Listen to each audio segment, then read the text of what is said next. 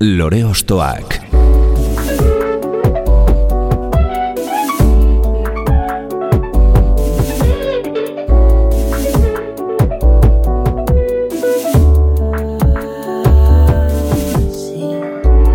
Ekain perezek aurkeztuta, gonbidatu bakoitza lore bat balitz bezala ostokatuko dugu. Jakiteko, zeintzuk diren bere lore ostoak. Haupa, zer moduz, ongi etorri lore ostoak saiora. Gaurko gure protagonista, mila bederatziun da irurogeita maikean, altzon jaio zen eta laurogeita zortziko trikitisa txapelketa entzutetxuark hasitako bide berriaren parte izan zen, baitaren oski, soinu txikiaren esparruan emakumeek zeresana zutela argi eta garbi utziz. Gure kulturak jatorri matrilineala izanik, amaren eta emakumearen irudiari sekulako garrantzia eman izan diogu beti. Eta gaurko saioan ez da gutxiagorako izango. Izan ere, irudi hori erreibindikatzera datorren talde edo proiektu batekin bai datorkigu, duela urte batzuk isiar orejarekin batera maixa eta isiar bikoan plazaz plaza ezagutu genuen berbera. Hau, lore ostoak da, eta gaurko gure lorea, amak, maixa lizarribar. Ja eskondu nintzan eskondu, baien jatan da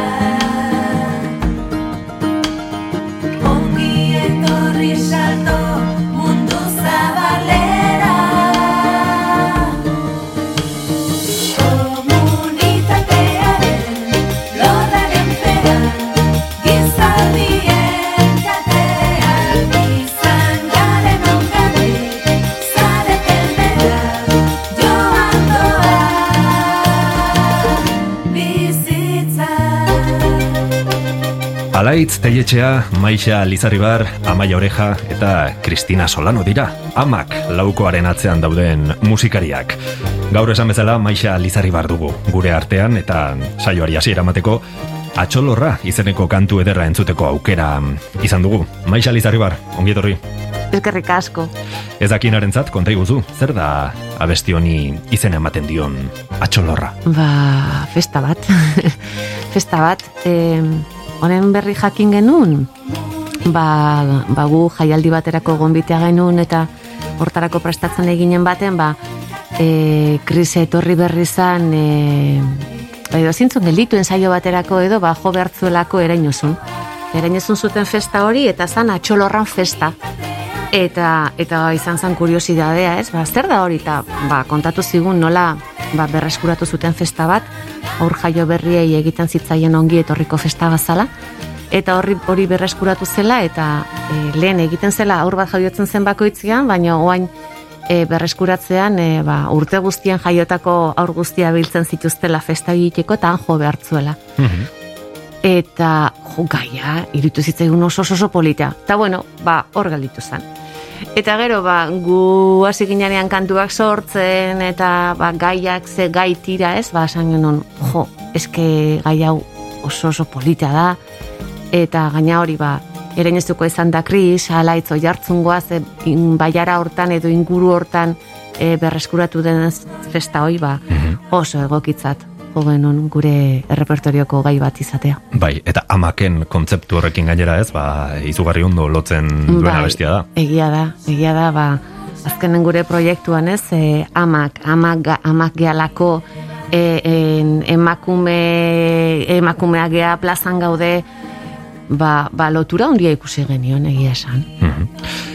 Atxo hitza sorginarera bezala mespertsuzko hitz moduan erabilioi da eh, gaur egun, baino jatorriz ezen horrela, baizik eta elizak eta inkisizioak emakumearen alduntze prozesuaren beldurrez edo, ba, zarritako mugen ondorioa da, ez? E, hortik etorritako litzateke atxolorra edo atxoaren lorpena deritzon e, festa edo erritua esan duzun bezala, ez?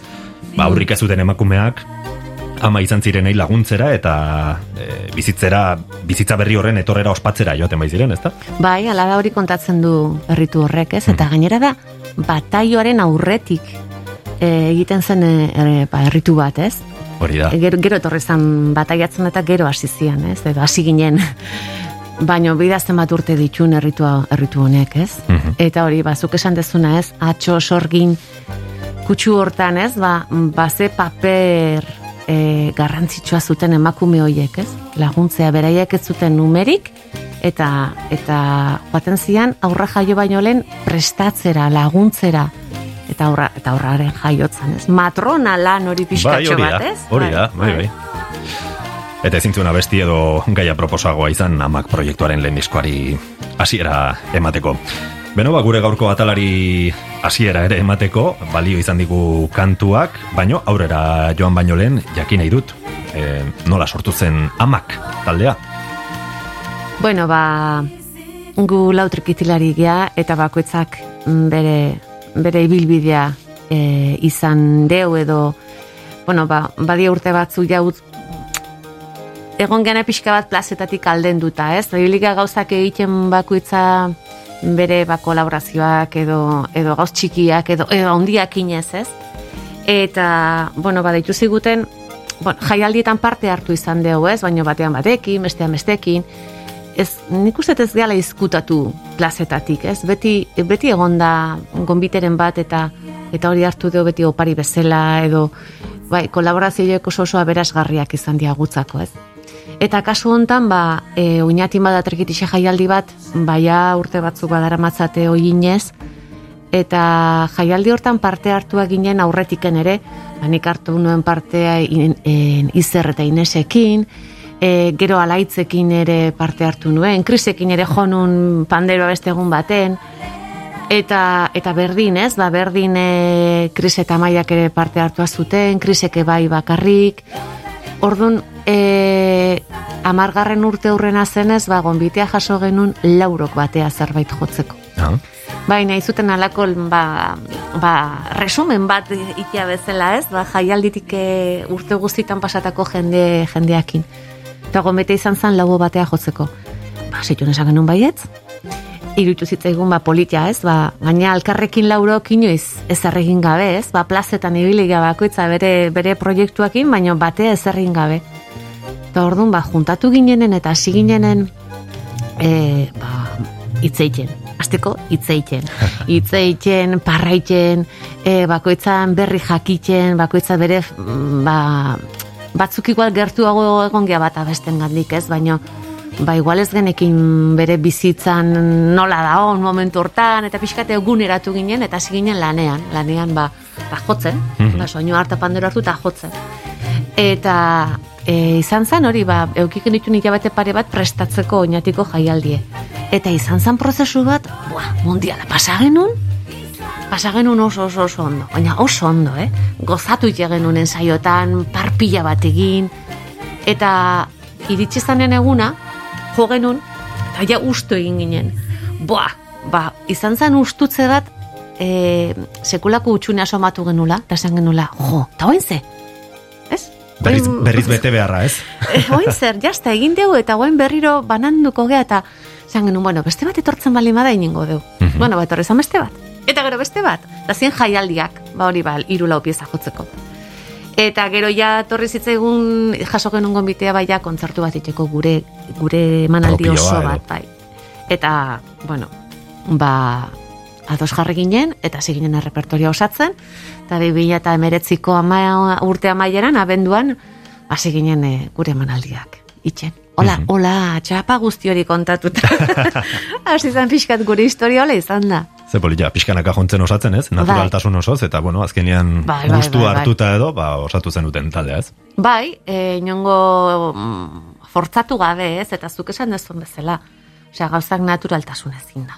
Mhm. Bai, eta espresatuz bakoitzak, ba, esan beharra duna baita ere, ez? Eta, ba, nik hori ez den nahi, ba, esan, ez? Hori ere bai, eskubidea dugulako ja, ez? Noski Bueno, baietz. beti izan deu, baina nik uste toaina lizentzia hori errazago hartzen deula. Primeran, bueno, ba, amak laukoaren musika alde batera utziko du oraingoz, eta Maixa Lizarribaren lorategi musikala ireki nahi dugu, ba, bertako loreak osto-zosto ezagutzeko. Lore ostoak. Zarekin hasiko gara, Maixa? Ba, bueno, nik ekarrieten zerrenda hontan, mm, agian igual hemendiken hilabete batera galdetzen baiazu kantu batzuk aldatuko nitun, ez? E, eta kosta intzait, eh? Kosta intzait aukerak eta bat itea asko. E, batzuk oso garbi nitun, baina beste batzutan izan, ai, hau sartuko eta ez beste hau, eske haure polita da, bai, zalantza asko izan ditut batzukin, ez? Baina, bueno, ba, ez dut ere jarri orden bat e, bidali dizutenean zerrenda ze kanta nahi dituten ez da izan orden hortan izan behar Bai. duela, ez? Baina, bueno, hemen lehenengoa, ba, goze. Eta zergatik? Goze, ba, niretzako goze, eskeda Inez. Bueno, atzetikan e, proiektu hortan baita ere zeuden Iñaki eta oso oron, ez? Baina, o, eta jende gehiago bazegoen atzekaldean.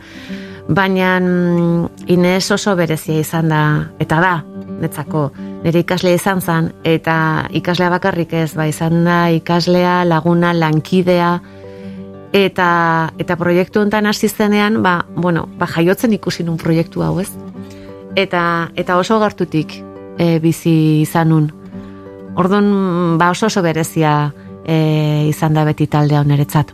Noski, eta nola sentiarazten zaitu, ba, zuk irakatsi diozun ikasle bat, bere proiektu musikalarekin, horrelako jartzuna lortzen ikusteak. Boa, eh, eske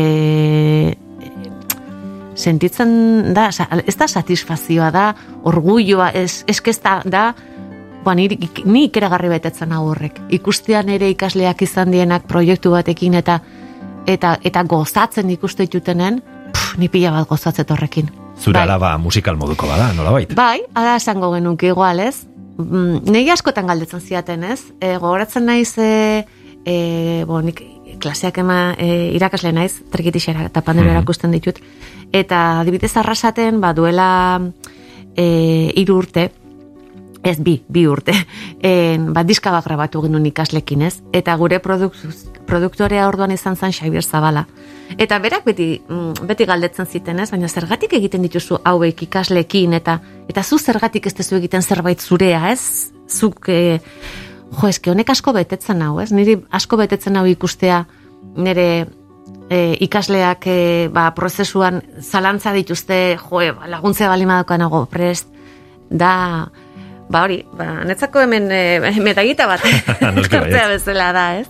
Bai, Gozek zuk bere garaian egin zenuen bezala, trikitixa beste esparru batera emateko gaitasuna izan du, elektronika edo tekno musikarekin uztartuz, trikitixak dagoeneko ez du mugarik, ez? ez, guk ez dizkiogu ikusten, agian norbait jartzen dizkio, baina guk jotzen deunok e, ez dizkiogu mugak ikusten, guk ikusten deu trikitixakin esparru askotan jo dezakegula edo zein musika mota egin dezakegula eta jendea dantzan jarri dezakegula eta ez bakarri dantzan, eserita entzuteko ere bada orduan esparru pila batetan e, lan, lan dudan e, musika tresna da Noski baietz. Eta horren adibide garbia da, ba, goze maixak ekarri digun lehenengo lore ostoa. Gozariak 2008ko diskotik entzungo dugu, hain zuzen, txalupa izeneko abestia.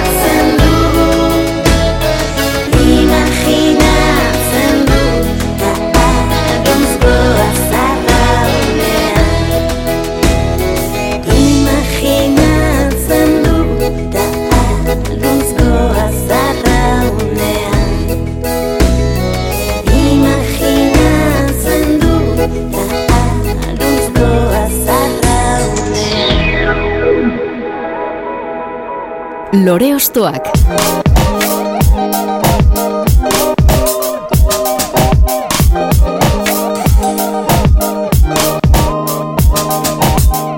Inez Osinaga eta konpainiarekin hasi dugu gaurko saioa edo bueno, beintzat Maixaren ibilbidearen lehenengo petaloa berarekin lortu dugu gozeren txalupa abestia entzunez eta bide horretan jarraitu nahi dugu ba Maixaren urrengo lore osto edo proposamenaren bila. Zarekin jarraituko dugu? Zaldi bobokin. Mhm. Bai, hau izan da, mm, nik uste dute zer, olako zerrendak aur, eh, eskatu izan dizkiatenen, zaldibobo beti egon da. Ah, bai. bai, igual ez da kantu berdina beti ez dut jarri, eh? Baina zaldibobo bai. Ze e, bi diska atera zituzten, bueno, nik bi ezagutu nituen. Bai, bai, biditu. Eta, jo, e, eske iruditzen zait, talde honek etzula jaso behar zuen e, oi hartzuna. Bai, nik uste dute eh, asko, jende asko enteratzeako bukatu egin zela. Bai, eta iruditzen zaizkit diskak dila, hor dago musikalidade bat, dago informazio pila bat, eta eta bera zenbat urte pasadian, eh, diska hau ateratzen denetik. Bai. Eta eta niri jarraitzen nau, ba, hoendiken harrituten hau e, gauza askotan eta eta ze gauzak dauden bertan.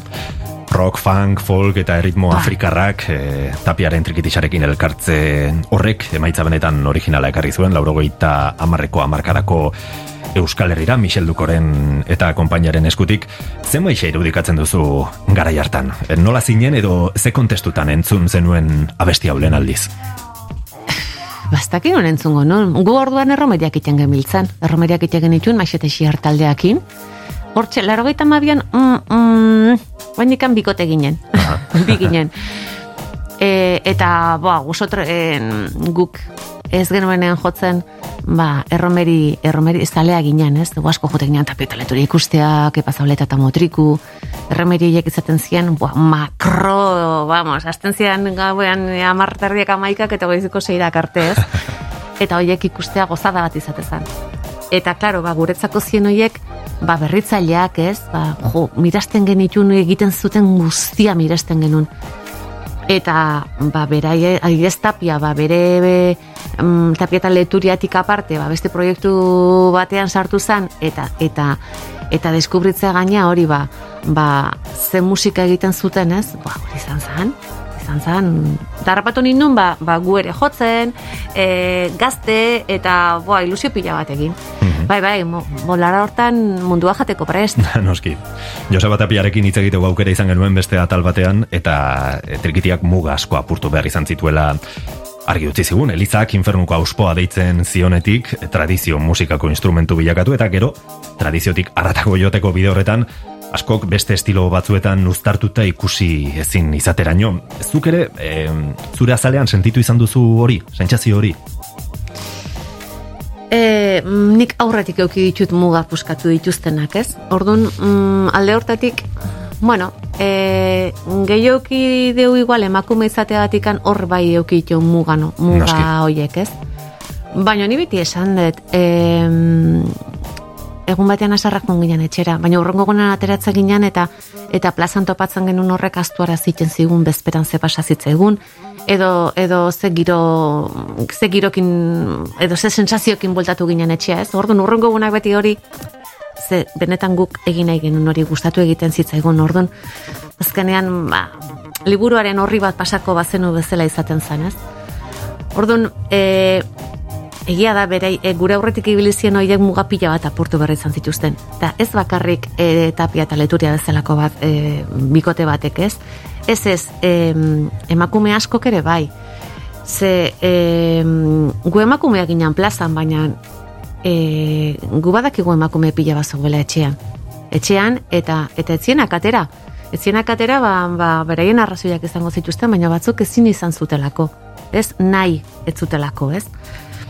Orduan, e, beti jartzen dute referentzi bezala hartzen dugu, ba, Maurizia bat, ez? Bai. Baina eske Maurizia da izen bat, baina bera bezala pila bat zeuden. Noski. Gertatzen dena da, ba, e, hartzen duen balima dugu, ba, ba, balima guaz internetera edo, eta bilatzen dugu emakume bat, eta agertzen zaigu Maurizia. Eta, bueno, primira agertuko zaigu, baina hor pila bat zeuden. Ez? Eta nire oraindik asko orainen iz deskubritzen, ez? Ze azkenean, ba, interneta hori dena daukagu eskura, eta hor ba, jartzen den informazioekin, ba, ba, a, a, jende asko deskubritzen dugu. Orduan, mugak hauste hortan, esate dizu, nik hautsi egin zituzten gure aurreko askok. Zuek beste zentzu batean izan dituzue, beste muga batzuk, bai, bai. baina apurtu dituzue baita ere, oski. Michel Duko, Joseba Tapia, Mikel Artiera, Frederik Galarden, eta Beñat Amorenak, mila bederatzen da laurogeita maikean sortutako proiektua da Zaldibobo, eta mila bederatzen da laurogeita amasei irarteko denbora horretan bi disko kaleratu zituzten, Basajaun eta Aio. Lehenengotik, laurogeita amabiko Basajaun horretatik hartuko dugu, Maixa Lizarribarren urrengo proposamena, Malika. Yahoo!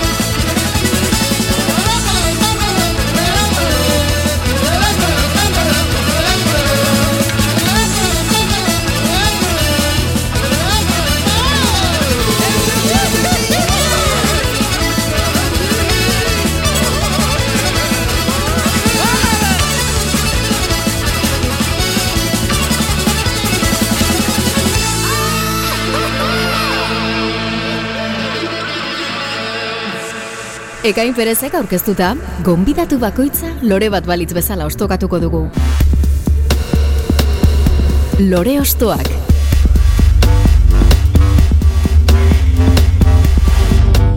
Michel Duko, Joseba Tapia eta konpainia hartu ditugu Zaldibobo proiektuaren Malika. Mila beratzen da laurogeita amabiko kantu honekin, ba, ritmo afrikarrak eta, bueno, e, fusio delako euskal musika horren atzetik. Hemen gabiltza maixarekin bere kantuen atzetik, bere kantu propioak eta baita ere bere kantu propioak ba, sortzeko bide horretan alboan izan dituen abestien bila eta honen atzetik, ba, beste bat eskatuko dizut. Maixa?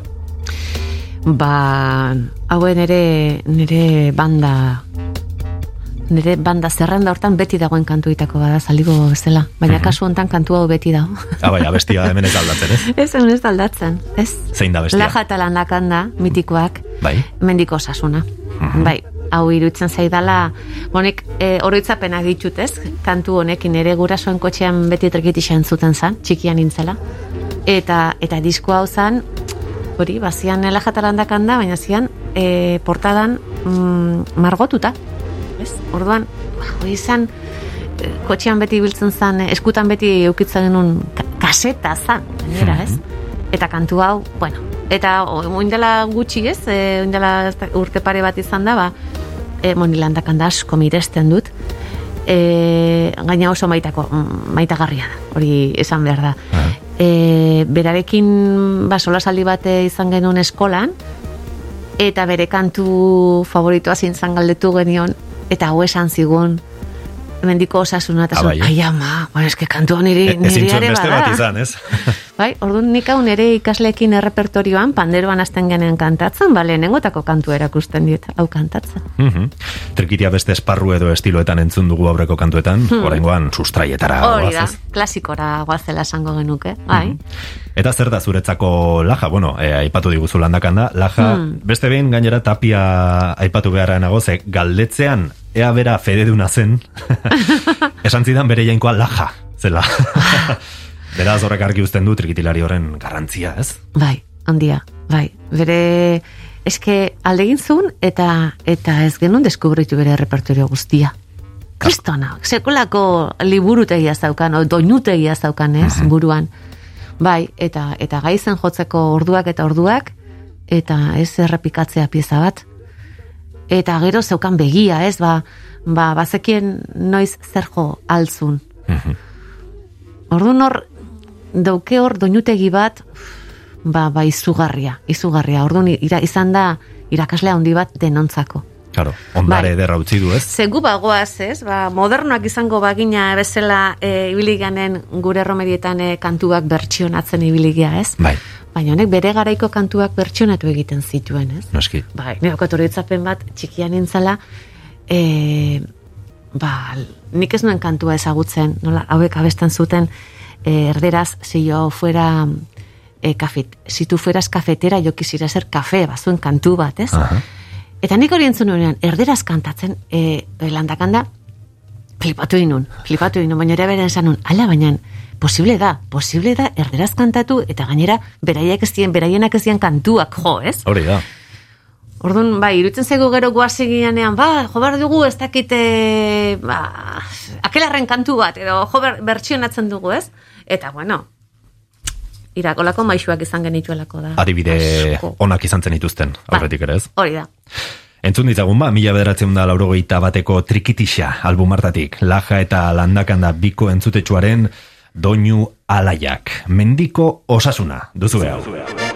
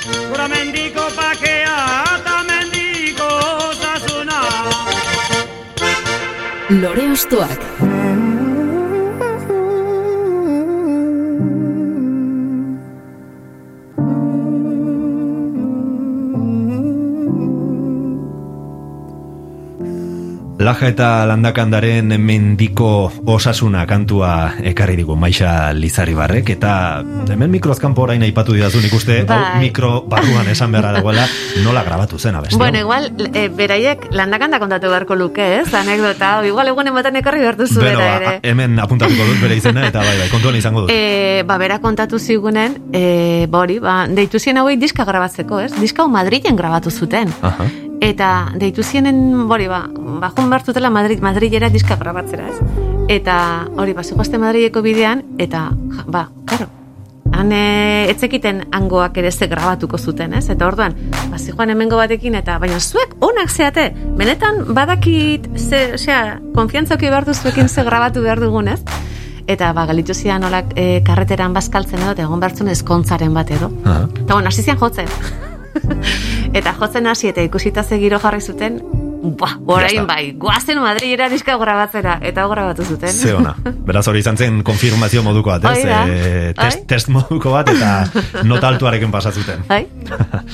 Primera, bueno, balaja eta landakanda utziko ditugu mendiko osasuna kantu ezin alaiagoarekin eta beste kantu bat eskatuko dizut, Maixa? Mm, Benito. Benito. Bai, Benito. Benito, mm, bueno, ba, hoi, nire etxean beti entzundan ahotsu bat izan da, ez? Baina, bueno, niko engontan orkestakin e, grabatu zuen diska, ba, diska hori iruditze zait, e, nei oioi purdia jartzen dizkiten zuten dudan bakoitzea. Bai, izugarri iruditze zait. Arpatu nindun baita ere bola, boladan, ez? Bolada olakoa izan zen diska batera zenean, nik orduan kotxe istripu bat izan da oean egon, eta uf, entzuten un diska hau, bueltak, eta bueltak, eta bueltak, bai, bai, izan zen. Ba hori, ba, nire momentu hortara eramaten hau entzuten dudanean, ez? Oio ipurdiak, ba, ba nondik aterean itzen, ez? Baina Noski. oio ipurdiak e, musika hau entzutean, eta, eta bai, oean nengoela bidaiatzen nun musika honekin. Mhm. Eta ze abestiak arra diguzu, lan horretatik. Oia ma Euskal Herri bakantu oso oso ezaguna da. Noski. Bai, Negarra egiten dut, indikan entzuten dudan bakoitzea. Da bai. Gure herriko ere serki izan liteke, lasai asko, ez? Bai, bai, gauza asko esaten ditu kantu honek. Hori da. Gauza asko, modu simplean, ez? Eta oso zuzenki e, esartzen den abesti bat, bueno, e, ikusi besterik ez da, ez? E, zenbat bazkaritan, zenbat afaritan Bai, abesten dugun bai. denak, e, ahots ezberdinetan, eta zer sentsazio sortzen duen, ez? Denongan, Bai. e, komunidade moduko bat e, sortzen du abesti honek, azken finean. Bai, eta esan behar dut gainera, en, euskeraz ez dakienak ere, euskeraz ez dakienak ere, kantu hau e, ba, iritsite Iristen da, ez? Bai, iritsite zaio. Badu zerbait e, hitzez aratago doana, bai melodi aldetik, bai e, kantua berak, badu magia bat, ez? Bai, magia badu, bai, eta esate izute eta orkesta atzetik edukitzeak, ba, uf, Noski, beste maila bat ematen dio horrek, nagoneko. kal musika ederra dugu. Mhm. Trikitixa hitz egin dugu, baino zuk ere folk edo pop musikarekin izan duzun harremana ikusita, hauek, hau da Benito eta ez dokamairuko generazioak bide berri bat hasi zuten ondorengo guztientzat, ezta? Bai, hala da, bala da. Eta hor ere, e, bultzatzaile, bueno, ba, Benito ezagutzen dugu denok, baina horre, hor egon zan emakume bat bultzatzailea e, guzti horrena, eta ni beti esan dut, zestimu gutxi eman zaion emakume horri, ez? Lurdesei. Lourdes Iriondo. Bai, bai, bai, babi da beste emakume iraultzaile horietako bat, ez? Eta ask, askotan gero mm, gure albotiken alde egiten dutenean, ez? Orduan eh, beti ba, ba, gore ipatzen ditugu gehiago, hala da. Bai, baina beti hori da, mm, eta nire inguruan askotan eh, amak taldean ere askotan eh, aipatu izan dugu, ez? Bai, kontestu horrek azkenean e, markatuko zuen nola baitez, nahi dut esan, gaur egun izan balitz Lourdes Iriondo, agian e, irikiagoa izango zuen bide edo errezago, ze ikusten dugu Seguro. azken, azken boladan zenbat artista bakarlari irteten ari diren e, bueno, edo dauden ba, estenatoki gainean, pila bai. Izaro, Lat Salvador. Sara Zozaia, eta maila oso altua emanez, e, idoia asurmendibera, Bai. eta bai, badirudi, ba, badagola loratze moduko bat, ez, e, berpizkunde moduko bat, ba, emakumearen eta euskal musikaren arteko lotura horretan, ez? Bai, bai, bai, e, niri iraultza bat iruditzen zait guzti hau, eh? Hainbeste emakume ikusten ditutenen, ba, pila bat posten naiz gainera, eh? Eta e, behin solasaldi batean, ba, koinziditu genuen, ba, bai egon ginen e, Sara, Olatz, Sebastian jende pila bat, eta, eta, eta esan genunan, e,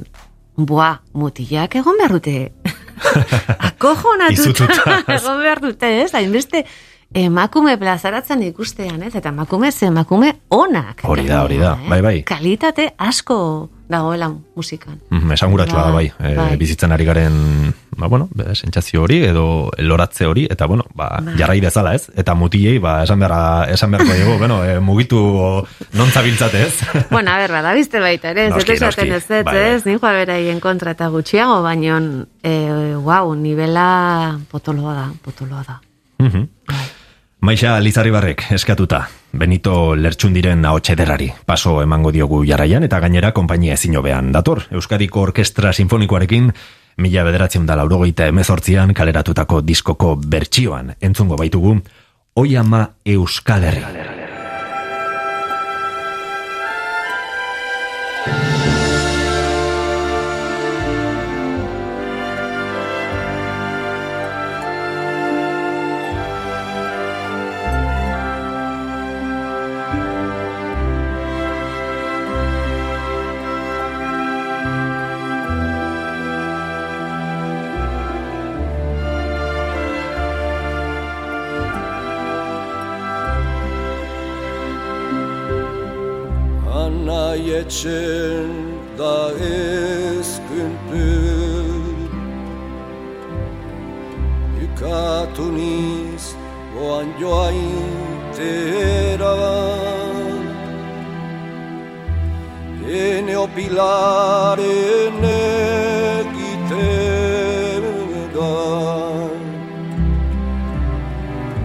Pariserat Manuazı Oi ama eskuarege Gozua Zutan dikurrun triste Manoa Adios gaixo Etxen dena Adios Iberua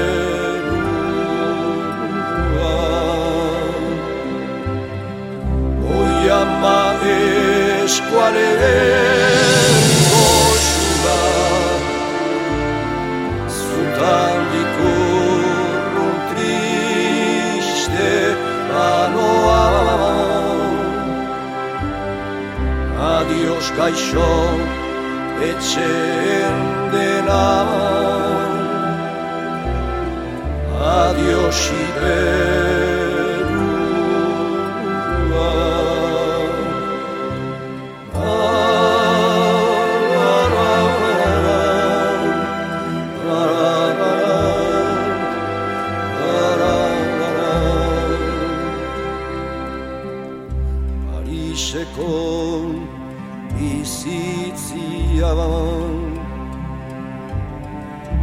Lankostu zuriaz bagiazu Bena berantzen zutadazu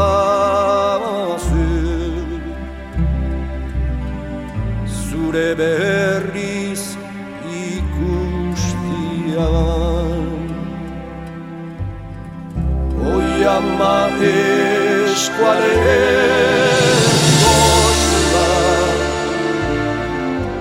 Talvicurul Criște Manoal Adios gaixo etxen dena Adios iberua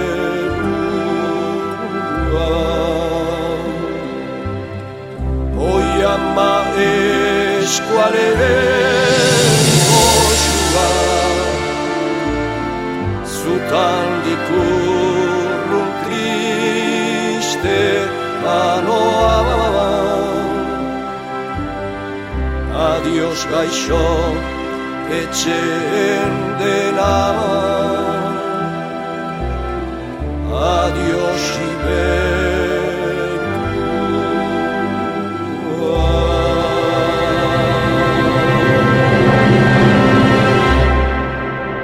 Ekain berezek aurkeztuta, gonbidatu bakoitza lore bat balitz bezala ostokatuko dugu.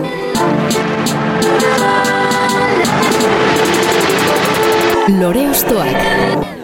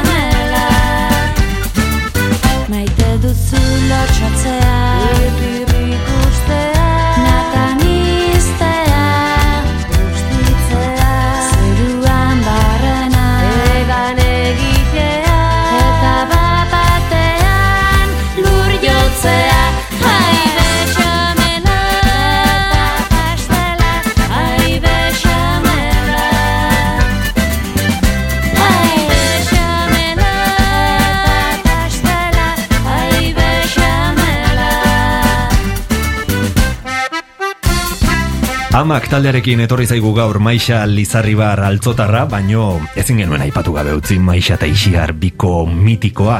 Zer etortzen zaizu burura? Hogeita lau urte beranduago abestia bentzutean. Ai, ez de fresko. bai, bai, bai, bai, etortzen zaite ba, freskotasuna, gaztetasuna, ilusioa, e, gogoa, buf, zugarria, bai, bai. Eske gogoratzen naiz, e, bapatean ez, ba, ba, baju naiz atzea ez, Noski. Eta, buf, bai, oso sentsazio honak, bai. Ze, zenbat eh, gauz eman zizkigun kantu honek, zenbat leku ezagutu, zenbat jende, zenbat, zenbat bizipen, ez? Zenbat aventura, ez? Bai, bai. Bexamela eta pastela. Mila bederatzen da laro eta mazazpiko mantal gorri diskoan kaleratu zenuten, eta zen olako arrakasta lortu zenutena. Nik ez dakit oso konstiente ginen, eh? Nik uste dute, ez, guetxetik ateratzen ginen eta joaten ginen jotzea. Ba, bai, eta eta elkarrizketa bazean, eta egiten genuen. Eta, eta jo bertzan, eta jotzen genuen, ez? Bai, Denerako inozentzi prest, ez? horrekin, ez? Beti gonden prest. Aurrera beti. Bai, bai.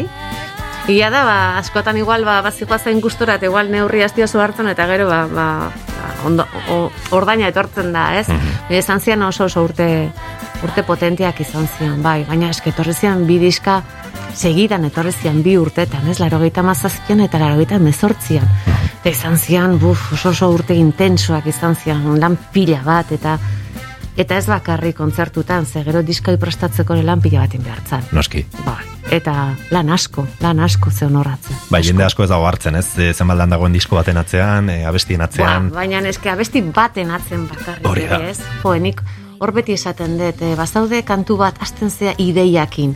E, aldatzen duzu, ematizkizu berrogeita mar buelta, e, jartzi duzu letra bat, aldaketa dituzu, ahotsak. Igual kantu horrekin, egon zea lanean, e, ez dakizen bat e, denbora, batzutan igual bi egun, baina, baina posible duzu egotea bilabete, Bai. batez estudiora grabatzen duzu egiten, zu kriston lana, eta eta gero kriston amurro ematen dit batek e, entzun behar dunen, e, e, ematio buelta bat, abale ondo. Ja, bai, zehazkar, zehazkar, Ze azkar eh, epaitzen alde batera eraman dezakeguna ez? bestia, edo baiezkoa eman, ezezkoa, ez? Bai, eta joe, baina ez da bakarrik diska batek atzen daukan lan guztia, kantu batek dauke lan pila bat, ez? Eta, joa, askotan epaitzen ditugu gauzak oso azkar. Eta segiton esaten dugu, ua, ze gaizki sonatzen du, no? Bai. Ze gaizki, ez? Eta, Konstiente izan gabe, ez? bai, bai, askotan ez dugu, man behar dizkegu, nik diska, nik diska erosteko zalean, ez, oraindik ere. Mhm. Eta nik kotxean diska bat erosten dudanean eta kotxean sartzen dutan, sartzen detenen, e, goitik bera estetikuture egiten. bai, errespeto handia emate jaten niri diskak. Eta ordan sartzen detenean, e, kotxean, e, lehenengo kantutik bukaer arte, ez dut ez aurreratzen, ez atzeratzen, eta ez errepikatzen kanturik. Ja, bigarrengo bueltan, ja, hasiko naiz kantuak errepikatzen, edo, baina buelta oso bat emate diot, errespeto handia diot. Lehen hobeto, lehen agian hobeto zukutzen genituen diskoak, ez? Gaur egungo, bueno, ba, plataforma guziekin, Spotify eta bestelakoekin, badugu e, joera mm, handiago agian, ba, kantuak lehenago alde batera usteko, ez? Bai, Ze, bai. geroz eta aukera gehiago izate horretan, ez? E, kruelagoak izan gaitezke. Eske da bizitzeko daramagun bizitzeko daukagun moduagatik, ez? Velozidade baten bizigea eta orduan dena da, dena da hartu eta hartu eta bota. Bai. Orduan, ba, askotan musikarekin egoza berdina gertatzen da, ez? Bai, nire lagun batek esaten zuen e, musika baino e, oendikan baztertuak zirela, baztertuagoak zirela liburuak. Ze gu diska bat hartu eta entzun dezakegu lau aldiz, baina zergatik ez dugu liburu bat irakurtzen lau aldiz, ez? Baina irakurri eta, Ja. oi, irakurri nun eta apalean uzten deula, ez?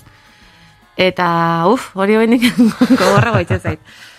Baina egia da, nahi, e, eta gaina hori, ba, nire, kotxean, kajoiak, ateetako kajoietan diskak beteta izaten ditut, ez? Eta igual, ba, batekin egongo naiz aste pare bat bueltak ematen, eta eta batean deskubritzea, ala, hau hain dela hiru urte erosi nun.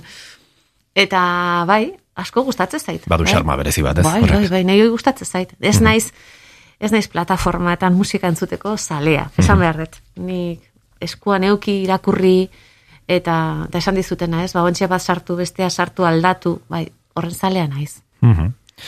Iluntzean edo bexamela eta pastela moduko arrakastak beti izango ditugu gure barruan, oroitzapenen kaxa batean gordeta, baina aurrera jarraitu behar dugu, hain zuzen, zure oroitzapenen kaxa horretan, beste lore osto baten atzetik, Lore ostoak. zer da orain proposatzen diguzuna. Ba, esne zopak.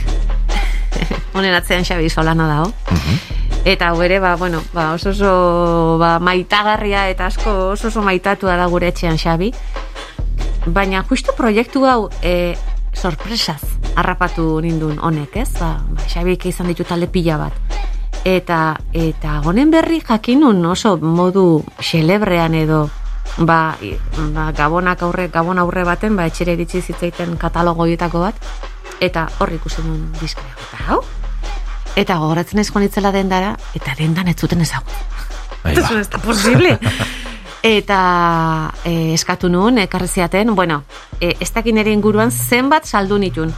Porque, ga, ez, e, urte horretan, gabonetako paria esan nien, op, hau oparitu behar dezu, hau oparitu behar dezu. Aspaldi atera dan, trikitixa diskarik onena da, diska hori. Bai, diska berezia da, ez? Oso, oso. Eta baita ere pixkat ikusita Xabik zer egin zituen aurreko urtetan, ez? Honen aurretik zebilen esango genuke hau e, pixkat trikitixa e, gordinera gert, gehiago gerturatu zala diska hontan, ez? Ba, zebilelako hori ba, ba, ba beste proiektuetan, ez? Ez nebeltzakin jaba zeon, eta, eta horretik lau itzal, eta sol, e, desolanos, eta e, etzakiten ondoren etorri zien talde guztioik, ez? Eta bapatean, e, bori, ba, rockero bihurtu denean trikitilaria eta bueltatzea olako diska batekin, esate zut, nire inguruan esan hau, euki beharreko diska da, denak euki behar duzue. Eta esate dizut pila bat saldu nitxun inguruan. Bai. Komertzial lanak egin zenituen. Bueno, nire inguruan eta nire ikaslekin, bai, ikasle eta gurasoekin, gabonetako opari asko, esanien, hau, eska, hau eskatzeko, diska honek izan behartzula. Aipatu duzu sustraietara itzuli zela, baino hala ere bertan eskratxak eta beste Ah, bai, eh, bai, bai. moduko ba, Noski. eh, fusio hori badago, ez? Ez nebeltzako parteidekin oski, eta Bai, bai, bai, bai. Baina, pixka bat egiten aizenetik ez, ba, Hori da. ba, berriro trikitilari noski. e, izan zen, ez, diska, diska hontan. Mhm. Fermin Muguruzarekin ere ibili zen eta Hmm. gainera okerez banago gaur egun zurekin eh, dabilen Kristina bere arrebaren partez Bai. sartu zen Fermin Muguruzaren da. eh, proiektu horretan, eh? Bai, ala da, bai, Kris hasi zen lehenengo proiektu hortan. Mhm. Bai, eta gero, bueno, ba, e, azkenean, e, ba, nik uste, nik uste Krisek esan zula, hemen hobeto sartzen da nire naia. e, bai, ba, ber, Krisek kriston lana egin zuen baita ere horrez, eta jarraitzen du itzen. Dia, bueno, sekulako mm, anai arreba dia, kristone etorria daukate, sorkuntza, e, ideiak, bai, eta gero beraie pertsona bezala, ba, izugarria die. Mhm. Esne Zopak, Xabi Solanoren proiektu hartatik 2009ko album hau iriki eta bertatik hartuko dugu esan bezala Maixa Lizaribarren beste arribitxi hau, baltxekua izan adu kantitak.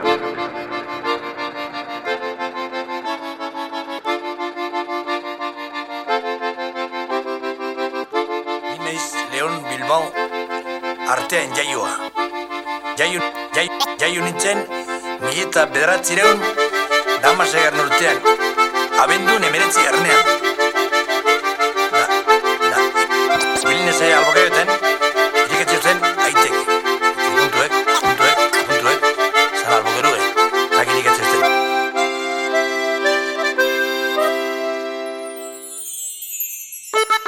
Bueno, ni Maurizia Alditurriaga naz. Seberion jaioa, egien jaioa.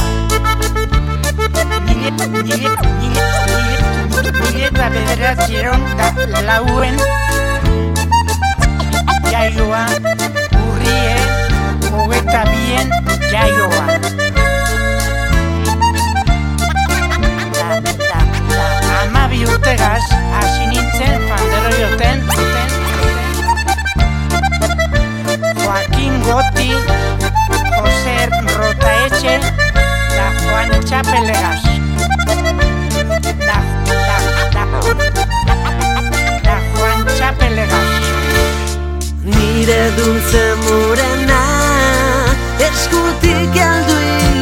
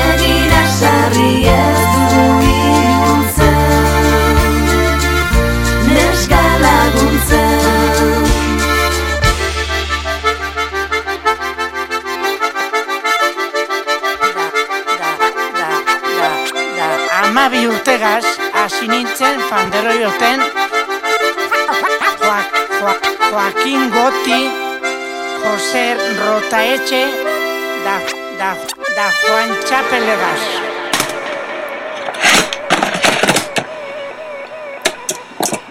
Lore Ostoak.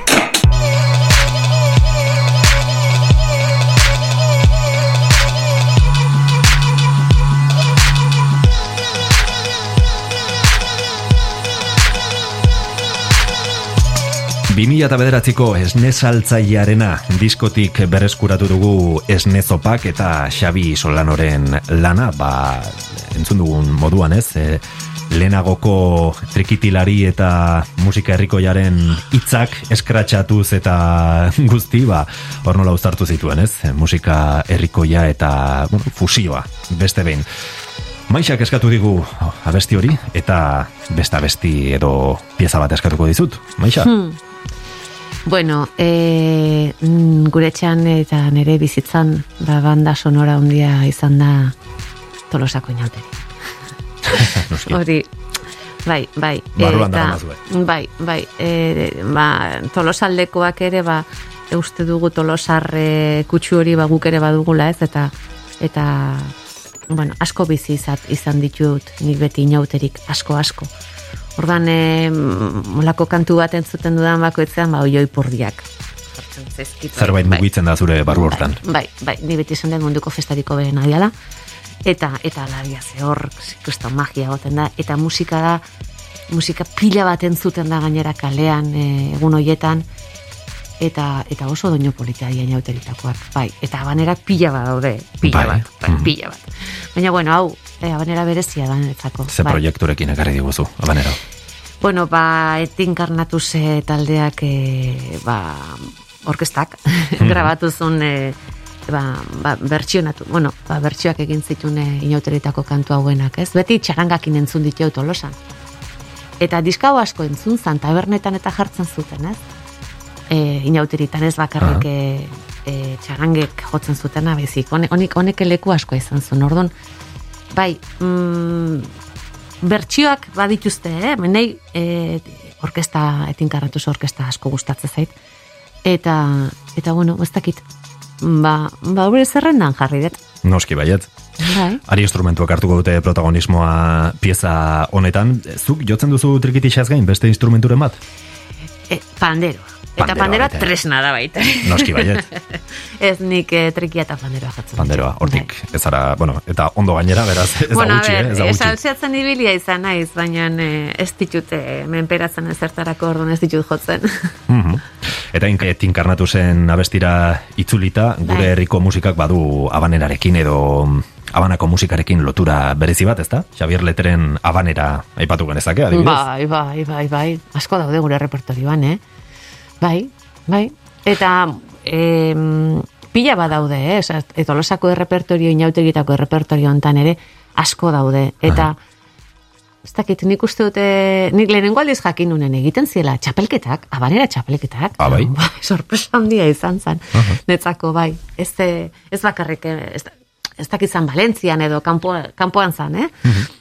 Baina e, hemendik jende asko joaten zala parte hartzera esan ziaten. Wow, hainbesteraino, hainbeste gustatzen zaizkigu. Eta bueno, horretik izango da, ba, kuba hain- hainbeste gustatzen dela, ez Noski. euskaldunen artean. izango, azerrikusia izango. Bai, dirudienez, Sebastian Iradier, kompositore arabararen ondorio omen da hein handi batean, La Paloma izeneko pieza baita abanatik kanpo gure lurraldean egindako lehen abanera. Donostian finkaturiko ari orkestra da etinkarnatuz, mila bederatzen da laurogeita maseian Miguel Severiok sortua, eta 2000 bostean kaleratutako Troika tolosako inauteriak lana irekita hartuko dugu, beraien abanera. Thank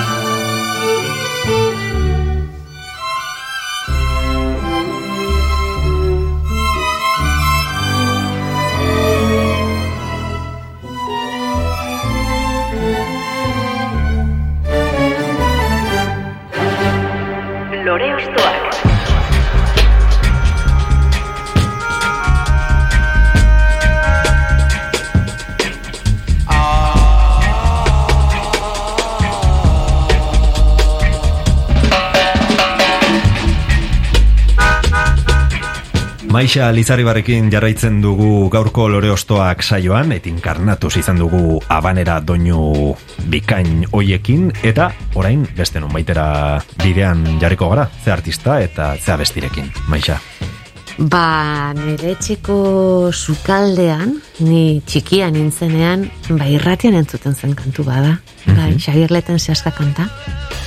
Bai, Eta- zu jaio eta irurtera kaleratu zen, e, saberleteren disko hau. Bai, ba, e, ez zegoen diska gure etxean, eh? Baina irratian, irratia asko entzuten zan e, gure etxean, ze telebiztatak inoiz iritsiko zan, berandu iritsi zan.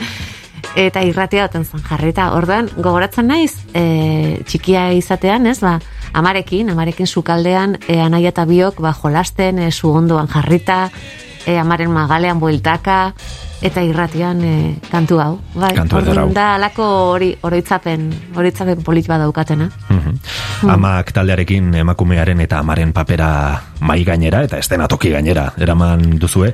Eta zehazka kanta honek zein ondo azaltzen duen amaren bulararen goxotasuna. E, aurrak amarekin hasieratik duen lotura horren beste pasu, pausu bat baita bularra ez, lehenik zilborestea, Hori da. gero bularra, eta azkenik bere bidea egiten baitu obrak, gauza guztien gainetik, aizea bezala abestiak dion moduan. Bai, bai.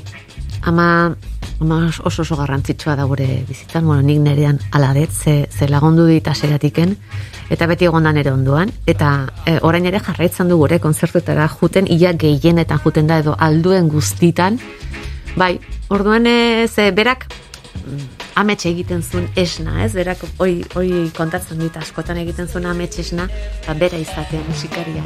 Ah, bai. Bai, ze nire amonak soinua jotzen omen zuen, ez? Eta orduan ba, mm, berak, berak hori amesten zuenez, eta ez zuenez lortu, berak ba, hori ba, berak esaten zuenez, bueno, alaba, alaba dut jotzen duena, ez? Eta, e, lehen omexete xiarra jute ginen e, jotzen genbiltzanean, gertu e, e, bueno, bera, bera izan genuen, tasista, berak eramaten ginten, ez zuen lako karnetik, ez? Aha. Baina gero ja gu bakarrik hasi ginenean horretzen etortzen, bera. Baina guain berriro hasi gianen e, ba, amak proiektuakin, ba, ila gehienetan etortzen da, bai. Eta amaren e, zilborreste hori e, ez da inoiz eteten. Jaiotzen garenean, e, ba, Fisikoki mozten da, baina bai, baina hor daude ariak, ariak beti gelitzaienak, eta eta ariak juteie eteten, ez? Eta nik nire semearekin ere ikusten dut, ez? Nire semea ja azten nahi da, eta ariak eteten nahi dira, baina badago bat ez dela inoiz eteten. Orduan, Eta erraza da, ama eta musikaria izatea? Mm, niretzako ez da zaila izan. Errezare, bueno, e, ni musikari izateko, nire lanaz gain musikari izateko, etxeko iken, lapurtu behar diet denbora. Ze, ba, lana azkenean beharrezkoa dugu, ez? Bai, ba, bai, bai. ba, ba, ba, ba, beste guztia bezala. E, baina nire ba, placer, noski gustatuko litzaidakela niri ba, musikatiz, mu- niri bezala jende askoi, ez? Ba, ba, musikatik e, bizializatea. Baina kasu hontan ba, ba, etxeko ikendu behar diet e, denbora. Eta bueno, ba, niretzako beti izan da motxila bat gehiago. Motxila bat gehiago izan da eta eta joan izan leku guztitara eraman dut, bai izan e, ba, e, kontzertu bat ikustera, edo jotzera, edo, edo bidaia eskun bali manaiz ere, ez? Bai, mm, ba, txikiaz, mira, jaio berria zen, bi hilabete terdi zituen, eta gonbitea jaso genuen joateko Argentinara jotzea, Ostras. e, kontzertu pare bat ematea, bueno, joan ginen hori e, arrasateko goiko balua bezbatzakin batea, eta, uh, nola joango naiz, ez? Ba, joan ginen, han joan ginen, Noski eta, eta beran erekin. ez orduan beti nerekin eraman dut, nire motxila izan da. Orduan, ba, oztopoak ez dia izan, ez? Ba, ez dizkiotelako, nik igual kendu nitutelako barrera horiek, ez? Eta, bueno, mm, eta noski derrigorrezkoa da e, olako proiektu bat e, aurrera eramateko ba, etxeko laguntza izatea, ez? Beti tira behar deu, oain amak eta e, taldean ere, beti tiratzen deu beharrezko ditugu aizpak, anaiak, koñatak, amonak, aitonak. Beraz, amaken jarraipen bat egon liteke horrez, aitak, amak, Denak behar lengusuak. Bai, bai, bai, bai, bai, ze, zenbat aldiz, ez? Ba, Noski. ez naiz iristen e, semearen bila eskolara joateko, deitu berriotan aiari, ez? Ba, Bai, olako, olako egerak asko bizitzateu. Mhm. Xabier Leterekin, mila bederatzen amalaueko Euskal Herrira egingo dugu atzera orain, Maixa Lizaribarren fonoteka pertsonaleko beste abesti bat geure ganatuz. Seaska kanta, izena du honek, zuekin Xabier Lete.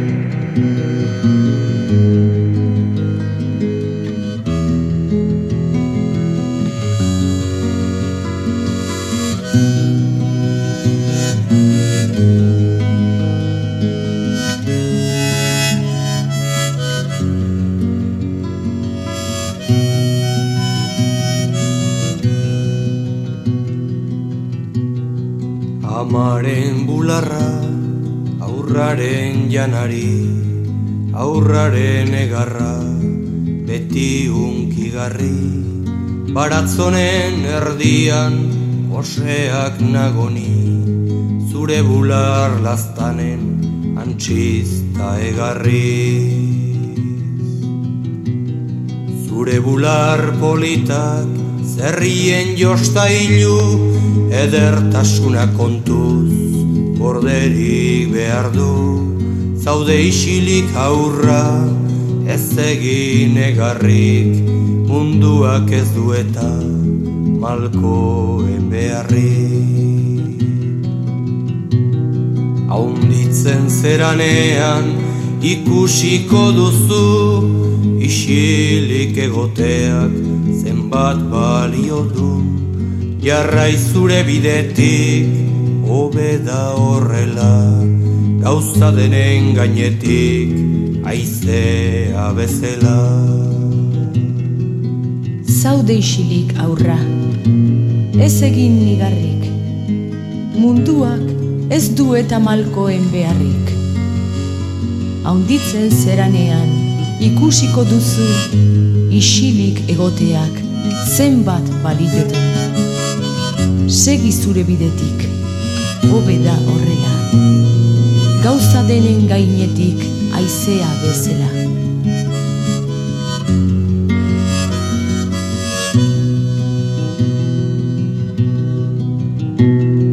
Amaren bularra, aurraren janari, aurraren egarra, beti unkigarri, baratzonen erdian, koseak nagoni, zure bular laztanen, antxizta egarriz, zure bular politak, zerrien jostailu, edertasuna kontuz, gorderik behar du, zaude isilik aurra, ez egin egarrik, munduak ez du eta alkoen beharrik.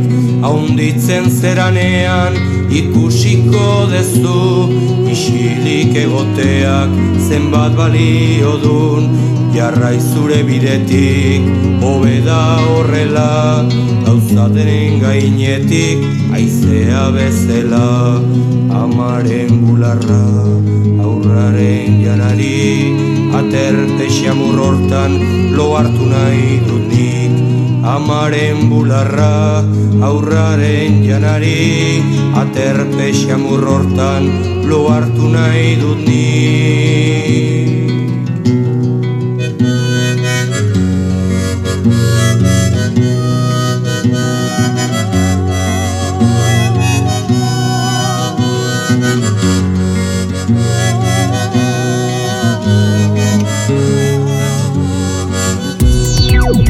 Lore Ostoak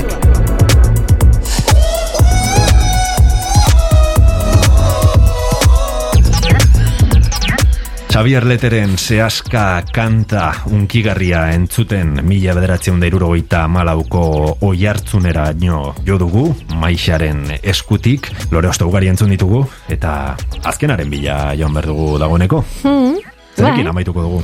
Bueno, ba, festa pixkatekin, ez? Ba, nik eh, beste banda bat oso gustokoa izan dut akelarre. Mhm. Bai, bai, jo, zenbat kontzertu, ikusi, ikusi, ikuste jute ginen herri batetik bestera, bai, bai, bai. Pentsatzen dut zuren erabezaroko eriko jaietan, e, bai. ibiliko zirela. Bai, bai, bai, bai, bai, eta joate gine bereiek ikustera, eta beren repertoria zautzen genuen, eta, uf, eta gero, gogoratzen ez maixate xigarrekin beraiegen e, kontzertu pare bat edo ez gehiago, ba, ba koinziditu genuen, ez? Buah, hori izan zen, ba, gujutzea lehenengo, eta gero berai, oi, bai, bai, bai, hori izan zen, uf, Ore bat, ez? Bai, izugarria, bai, bai, bai. Eta e, beti ikusten genituen, ba, ze, ze musikariak, ze, ze bertsioak egiten zituzten, gero beraien kantuak sortzen, eta bai, izugarriak iru, eta gero ematen zuten montajea, ez, argiekin, eta Bai, ziren Euskal. Herriko lehen rockstarrak, ez? Bai. E- eganekin batera, agian, ez? Ba, Baina, bai, baina ez ziren berdinak. Eh, ez, ez, ez, beste estilo bat zen. Bai, bai, bai, ez beste zila bat zen. Bai, bai, bai. Eta oso zalea, e, egan ere ikusten, osea, tokatu zitzaiten, ez? Baina, gehiago, akelarra zaleagoa izan naiz. Bai, bai. Atal batean baino gehiagotan aipatu izan dugu ze garrantzia izan zuten berbena edo plaza taldeek, eh, kanpoan ezagun ziren abesti edo estiloak euskerarekin elkartzeko prozesu horretan, zerbait berria ikusi eta entzun ahal izan zuen garai hartako entzuleriak. Hmm. Eta zenbat musika ezagu, eza, erakutsi eta ezagutarazi ziguten, ez? Bai, bai, ez e, pixkatolako mm, erromeri taldeak edo, bai, hauek ere erromeriak egiten zituzten, ez? Eta ezagutu genituen kantu pila bat beraiei esker. Eta kantuak eta taldeak eta, bai, izan zian asko, bai, deskubrimentu handiak izan genituen. Bai. Eta urte batzuk beranduago, trikitisa beste esparru edo estiloetara eramateko bidearen lehenazia ezarri zuten, agian. Baita, baita, bai, guk beraien gandik asko ikasi genuen. Bai, Noski. asko, asko, bai. Eta beraien kantua, bueno, aukeratu duten kantua, hau e, versionatu genuen guk ere. Eta nik uste dute trikiti taldeen artean, e, askok versionatu zutela baita ere kantu hau, ez? Zein da kantuaren izan? Kantuz, kantuz kantua, bai. Eta gogoan dut, oain dela urte batzuk, jo, ez dakit esateko oain dela bost, sei urte, bergaran trekitisa egun batean, e, bueno, ba, gemiltzen ikaslekin gora eta bera, eta gero bazkal ondorenen ikasleak ja gurasuekin, eta ja elduxuakin gelitu ginen, ba, sartu ginen taberna batean jotzen, topatu ginen Kris, Amaia, Izer, eta hasi ginen jotzen, buah, kantu hau hasi ginenean jotzen, pff, bizi izan genuen izugarria izan zen. Gora etorri zinaten. Bai. bai, oso gora, oso gora. Claro, ka, e, gaztaroko oroitzapen haiek eta... bai, ez. noski, bai, bai. Mhm. Beno, ba, bazen, mila bederatzen da laurogeita biko gau pasa diskoarekin, Euskal Herriko jai eta plaza guztietan entzun izan zen, soraluzeko akelarre taldearen musika bereskuratzea. Maixa Lizarribarren azken lore ostoa dau. Kantuz. Zera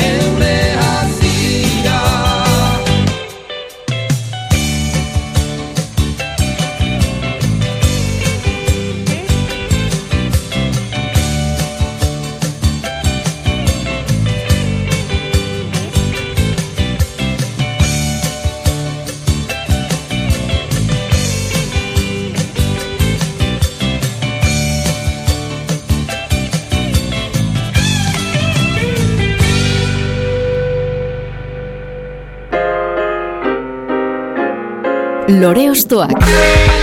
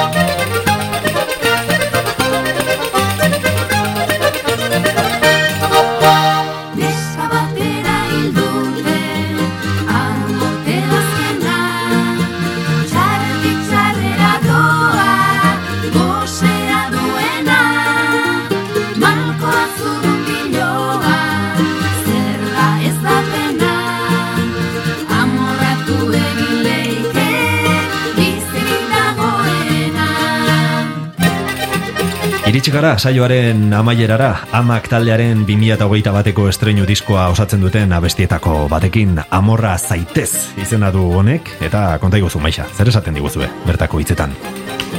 Ba, de, gaude pixkatxo bat sartuta, ez? Ba, Bizitza hontan izan behar dugula laiak, eta beti rifartxu, eta beti umore honez, eta, bueno, ba, gure kasuan ez da, hola, guazerratzen gea, eta eta askotan jatzen dugu, maia esan ez, ja, bale, ez? Ba, zerratzen gea. E, gero, irrifarratera behar du, duzu, ez?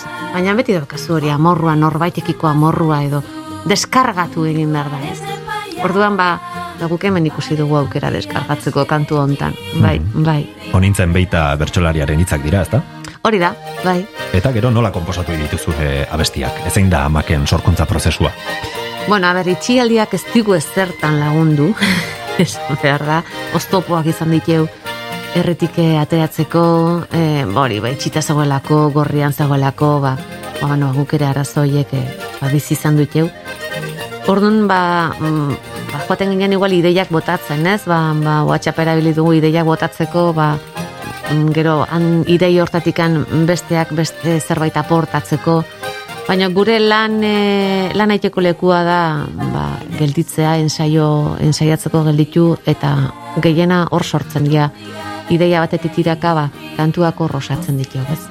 bai, eta hemen, ba, diska, bueno, kantuak osatzen gindua zen bezala, ba, ikusten genuen, e, ba, letretan ere, e, nahi genuen, ez? Kanpoko laguntza bat nahi genuen. Eta, eta jo genuen, ba, ba, nintzen behita eta karmele jaionatea jo genitun. Eta, bai, eta ziguten segitun, eta kreston letra puskak indizkigute biak. bai. Beno ba, amak taldeko maixa lizarribar, ostokatu dugu dagoeneko, entzun ditugu bere proposamenak, eta nolabait bere eta amak proiektuaren atzean gorderik dauden soinu eta sustraiak.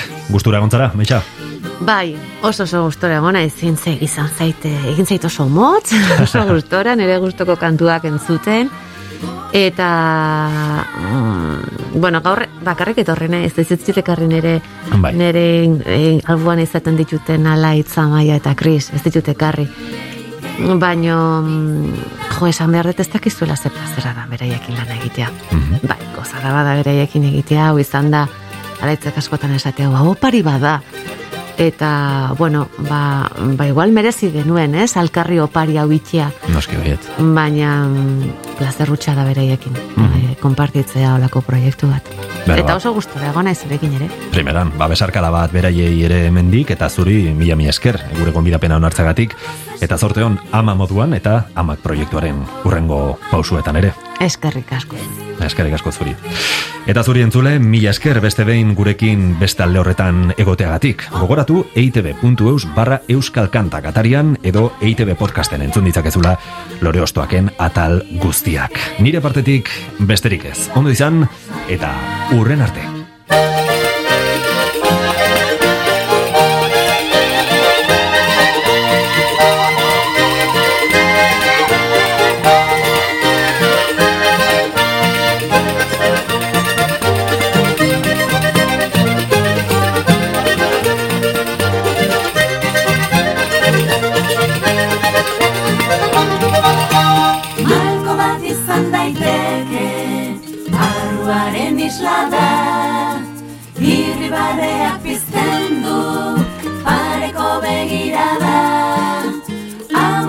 Amorruzkoa denean Barruaren zirrara. Zertarako ezkutatu Geugan sortzen bada.